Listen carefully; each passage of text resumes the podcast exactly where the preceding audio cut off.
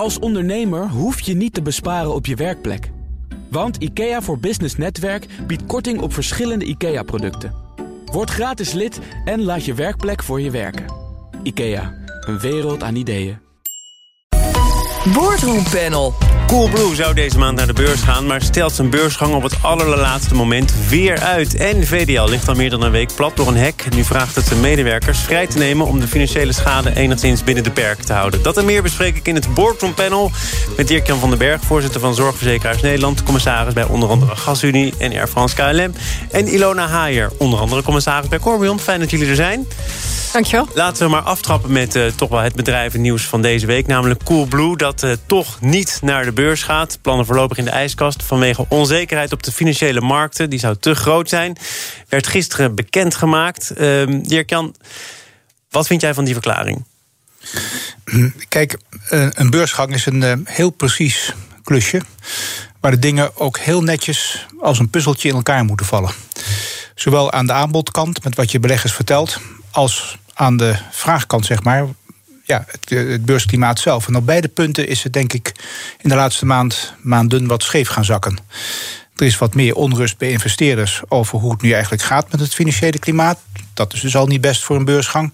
En aan de andere kant eh, heeft het bedrijf, eh, denk ik, in de prospectus dingen laten zien die toch door de meest recente ontwikkelingen eigenlijk mogelijkerwijs wat tegenvallen.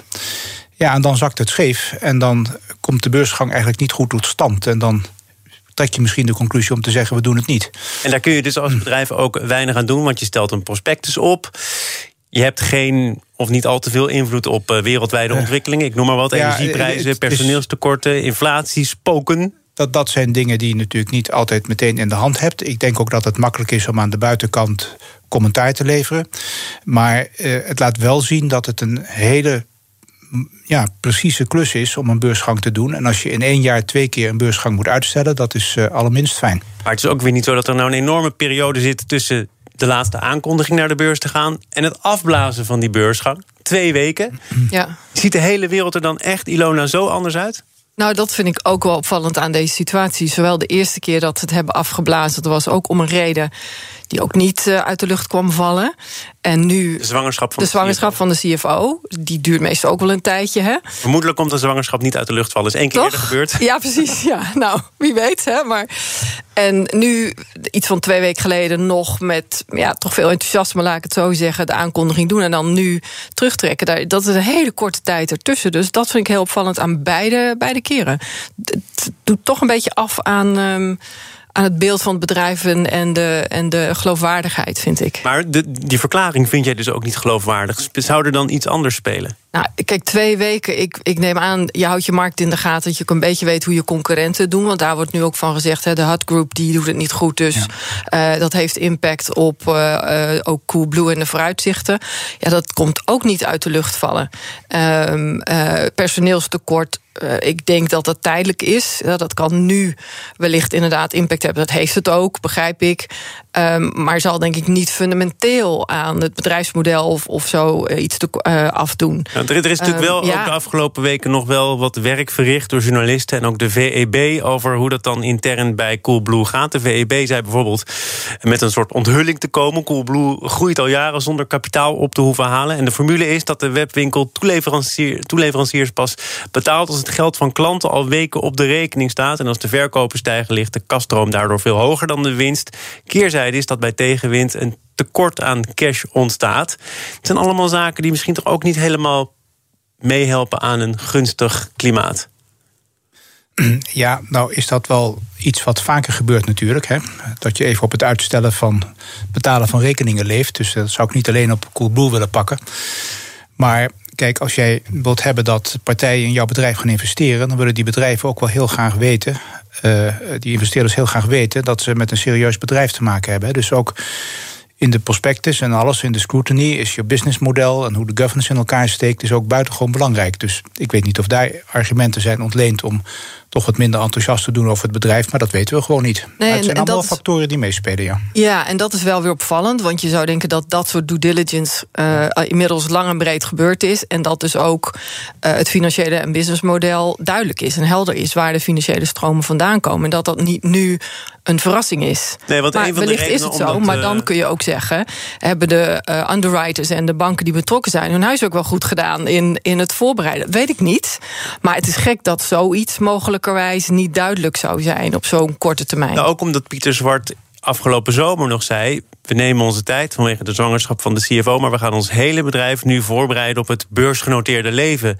Met andere woorden, dan neem ik toch aan dat je ook zorgt... dat je je zaakjes, je dossiers op orde hebt... zeker met het oog op die latere beursgang dan in oktober. Ja, dat zou je inderdaad verwachten. Dus het, het is opmerkelijk. Er zijn er ook nog uh, analisten die zeggen dat daar waar Coolblue de groei van de komende jaren verwacht, bijvoorbeeld in uh, nou, de nieuwe sectoren, de zonnepanelen, de laadpalen, Duitsland, weinig track record, toch nog een uh, grote groeiverwachting. Misschien toch ook daar iets te optimistisch geweest? Dat kan natuurlijk zijn. Kijk, ik vind op zichzelf altijd de prijs als een bedrijf verder verkent wat er nog meer mogelijk is aan opties en dingen. En dat heeft Coolblue gedaan. Uh, ook dat weer in de prospectus natuurlijk moet daar ook een credible voorstel worden gedaan hoe zich dat ontwikkelt. Je kunt er vanaf de buitenkant naar kijken en dan zie je dat ze op dat gebied natuurlijk niet de enige spelers zijn. Dus het is best vol. En in Duitsland is het ook best al vol met online shopping en dat soort dingen. Uh, ja, daar worden dan brancheanalyses op losgelaten en komt men tot een oordeel. Hè. Dat is wat er gebeurt. Dus uh, dat daar de uh, bomen tot in de hemel zullen groeien, dat lijkt me inderdaad niet het Onder geval. andere voor Duitsland en de expansie, daar heb je geld nodig. Ja. Een van de redenen om naar de beurs te gaan.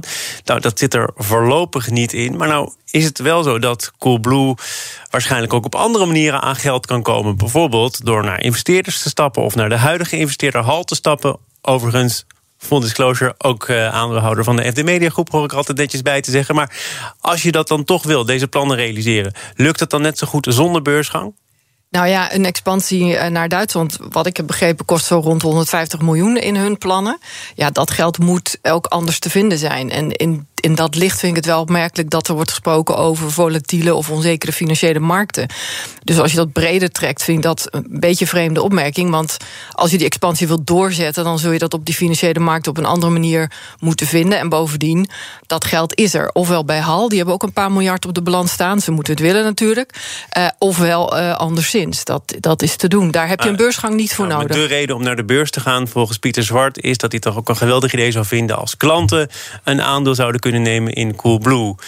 Moet dat voorlopig echt even in de ijskast blijven? Komt het er ooit nog van, denk je? Wellicht ooit, maar na twee mislukkingen zo vlak achter elkaar, denk ik dat het heel even stil blijft. Is ja, mijn gevoel. Het, het, uh, als het gaat gebeuren, moet het wel drie keer scheepsricht zijn. En dat betekent dat de volgende keer echt raak moet zijn. Want als dat weer een dergelijke situatie oplevert, dan ben je natuurlijk niet meer serieus.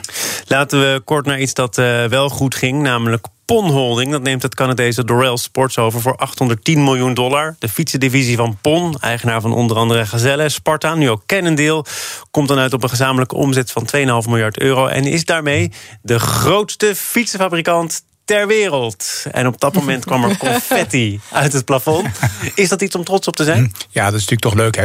Want Nederland is toch een land van fietsers. Uh, en nou hebben we dit in onze landsgrenzen. Dat is, uh, ik denk dat het echt iets is om uh, erg leuk te vinden en trots op te zijn. Ja, Ilona, ja, als, als fietser natuurlijk moet ik ook ja zeggen. En we hebben nu twee grote fietsbedrijven in Nederland. Uh, en, en ja, die zullen elkaar het leven ook nog wel uh, spannend maken. Denk Je bedoelt uh, met Axel? Ja. Nou, dat leven is al een tijdje spannend geweest. Hè? Want ja. Pont probeerde, ik dacht in 2017, Axel over te nemen. Vijandig bot. later nog, volgens mij. Ja. Later misschien nog wel. Uiteindelijk hebben ze toch nog wel geprobeerd om enigszins invloed uit te oefenen op Axel. Door een minderheidsbelang op te bouwen van zo'n 20 procent. Toeval of geen toeval, maar dat is dit jaar definitief afgebouwd naar nul. Ze hebben een klein beetje winst genomen. Was het, als het allemaal was gelukt en die overname was een feit geweest... al heel veel eerder tot een soort werelddominantie van, Pol, van Pond gekomen? Nou ja, met Axel, ze hebben omzet, geloof ik, iets van 1, nog wat miljard. Uh, een small cap op de beurs. Uh, ja, nou ja, tel het erbij op. Dan waren ze ook een hele grote geweest. Misschien net niet de grootste. Uh, maar wat ik interessant vind aan deze overname... is toch buiten de landsgrenzen. Ja. Sterke merken, Amerika erbij... ontwikkelende uh, landen qua fietsen... en niet uh, vanuit Nederland volledig. Ik denk dat ze hiermee een enorme sprong hebben genomen. En bovendien, voor de Nederlandse fietser is het maar goed... dat er twee ja, bedrijven zeker. zijn die in Nederland ja, moeten concurreren, concurreren. de gunst van de fietser. Want dat houdt iedereen scherp. En dat betekent dat wij mooie fietsen krijgen. Nou, probeer maar eens aan een fiets te komen. Ja, ook dat. Want het, het interessante is natuurlijk, daarover las ik ook nog een analyse eerder deze week in het FD, dat die fietsfabrikanten het op de beurs hartstikke goed doen. Kennelijk is schaarste interessant. Maar je kunt zeggen, iedereen wil fietsen. Maar het tekort aan alles wat je nodig hebt om een fiets te bouwen, dat is toch ook nijpend. Dat is zeker nijpend. Dat speelt zich ook in andere sectoren af. Maar dan is het ook helemaal goed dat je twee aanbieders hebt. Want iedereen zal proberen om de wachtlijsten zo kort mogelijk te houden. Dat is nogmaals goed voor de Nederlandse fietsen. En hoe krijg je daar onder andere met deze overname, maar echt voet aan de grond in bijvoorbeeld die opkomende fietslanden, de VS om maar wat te noemen? Hoe, hoe moet PON nu verder te werk gaan?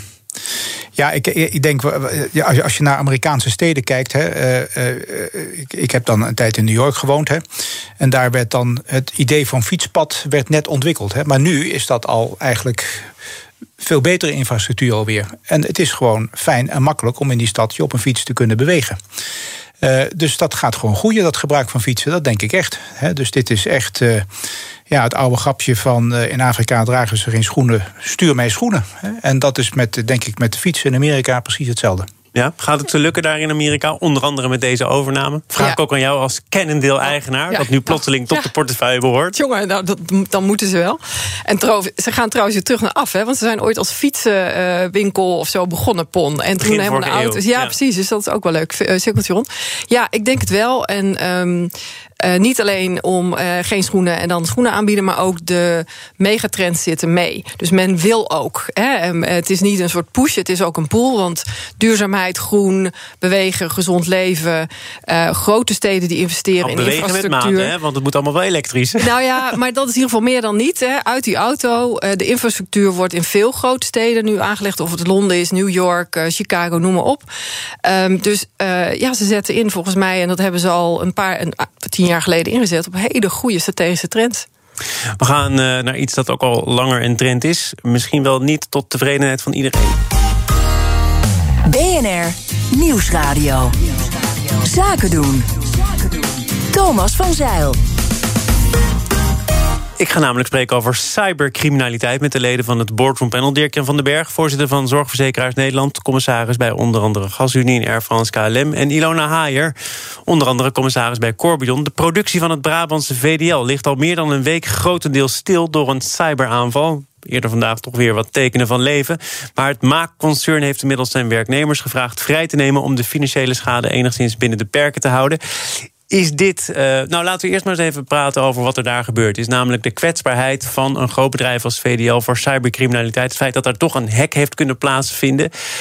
Is dat nou helemaal nooit te voorkomen? Of had VDL wel wat meer voorzorgsmaatregelen kunnen treffen? Ook gezien het feit dat ze in risicoanalyses toch wel als doelwit werden gepositioneerd. Nou, VDL is een serieus bedrijf. Dus het kan niet anders dat ze dit gevaar onder ogen hebben gezien. En het kan ook niet anders dat ze hebben geprobeerd daar maatregelen tegen te nemen. Maar we weten allemaal dat dat waterdicht maken echt heel moeilijk is. Hè? Dus uh, uh, ik denk inderdaad dat het een cyberaanval geweest is. Uh, maar zoals ik maar zeg, een, een, schip op het strand is een baken in zee. Hè? Dus, dus iedereen die dit nu ziet, die moet toch echt ook naar zijn eigen bedrijf kijken wat dit voor hen kan betekenen.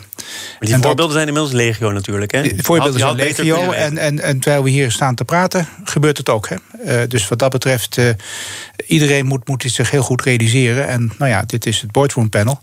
Ik denk dat dit hele onderwerp, uh, het hele complex van ICT, data, systemen, nou, de, de cyberattacks, dat dat veel te weinig besproken wordt en veel te weinig strategisch bezien wordt in, in boardrooms.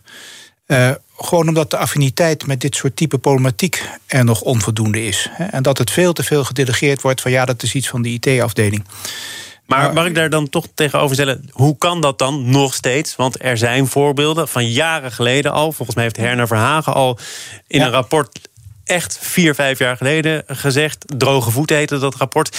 Reserveer nu geld, investeer hierin, want het is het waard. En kennelijk moet jij ook constateren... het is nog altijd te veel een IT-probleem... en de rest houdt zich afzijdig. Ja, ik denk dat het een nieuwe kans krijgt om werkelijk weer in die boardroom terecht te komen. En dat is via thema data.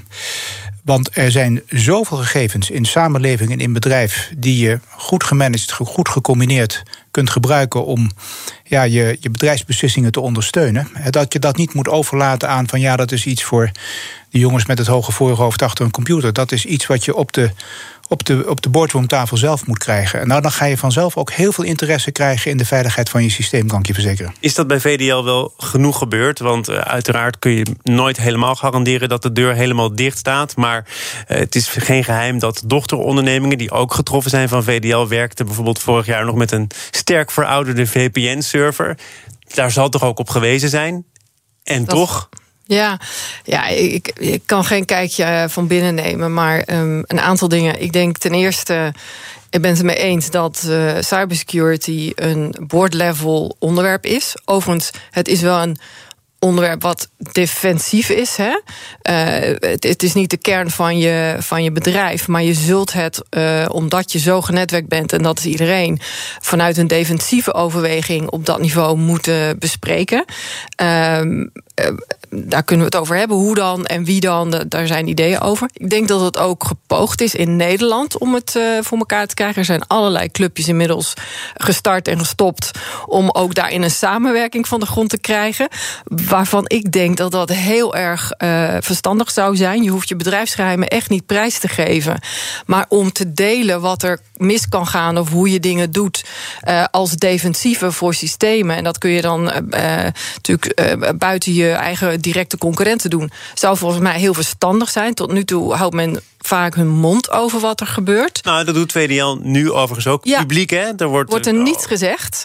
En dat vind je onverstandig? Ik weet niet of je publiek uh, van alles moet zeggen, maar dat je uh, onderling deelt om te leren en om proberen voor te blijven. Want we krijgen er allemaal mee te maken, we hebben er allemaal mee te maken. Um, dat lijkt me niet onverstandig. Maar dat wij als uh, toeschouwers van dit debakel niet weten of het nou gaat om gijzelsoftware of dat er iets anders speelt, dat doet eigenlijk niet zo ter Ja, maar wat is de waarde om dat te weten? Dat, ik weet niet hoeveel waarde daaraan hecht. Maar ik denk het laatste wat ik nog wil zeggen is op dit moment is... het gaat ook heel snel. Dus, uh, en, en daarom is het ook moeilijk. En daarom heb je daar specialisten op nodig... boardroom attention op nodig... en een vorm van samenwerking op nodig. Wat dan de overheid daar weer wel of niet moet doen... is nog weer een tweede. En voor wie? Maar um, ja, dit, is een soort gemeenschappelijke vijand, zeg maar. Weet je? Maar hoe moeilijk is het om, om hier eh, budgetten voor te reserveren? Want uh, als je het oppervlakkig bekijkt...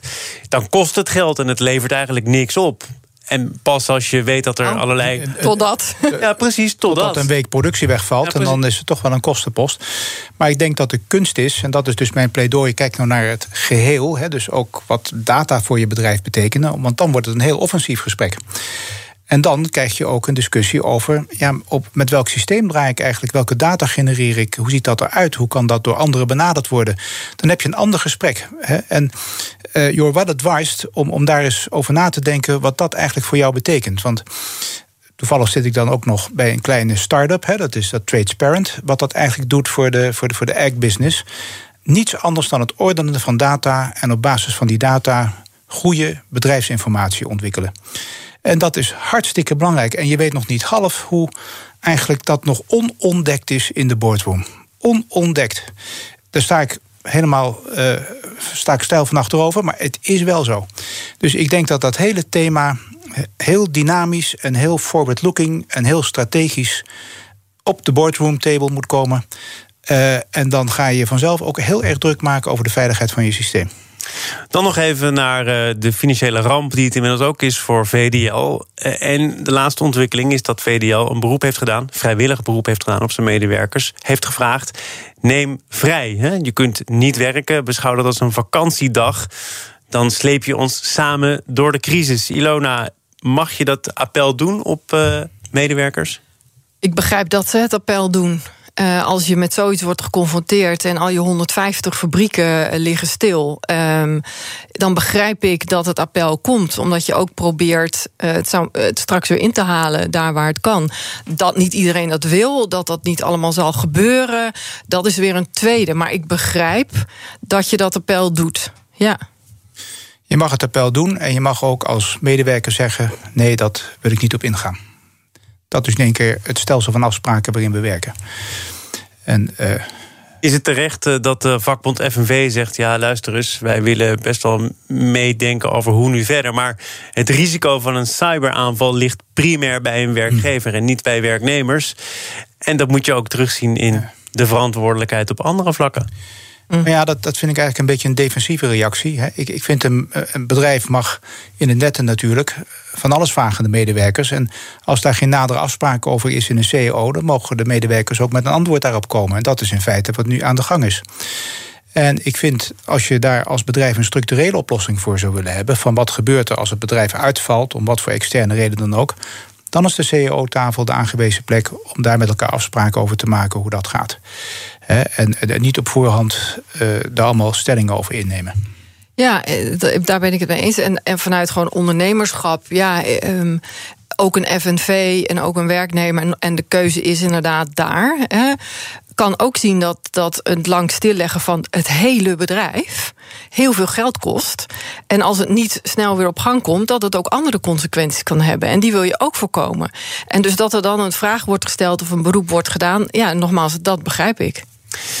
Dank voor jullie bijdrage aan dit panel. Dirk-Jan van den Berg van Zorgverzekeraars Nederland... commissaris bij onder andere Gasunie en Air France KLM... ook betrokken bij een start-up. Dat wist ik nog helemaal niet.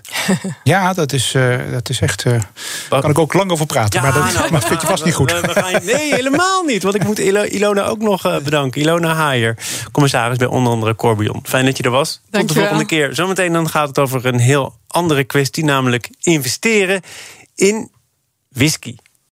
Het inrichten van je eigen zaak is best wel wat werk. Daarom biedt IKEA voor Business Netwerk 50% korting op interieuradvies. Word gratis lid en laat je werkplek voor je werken. IKEA, een wereld aan ideeën.